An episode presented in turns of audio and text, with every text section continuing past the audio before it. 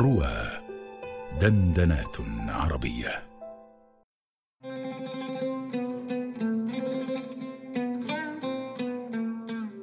ذئب الأخطل.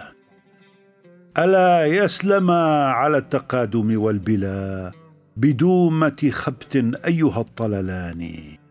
فلو كنت محصوبا بدومة مدنفا أسقى بريق من سعاد شفاني.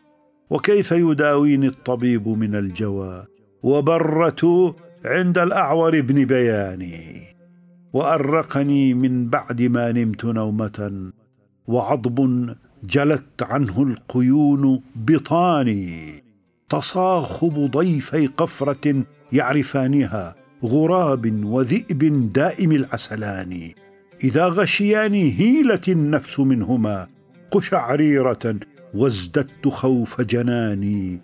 إذا حضراني عند زادي لم أكن بخيلا ولا صبا إذا تركاني.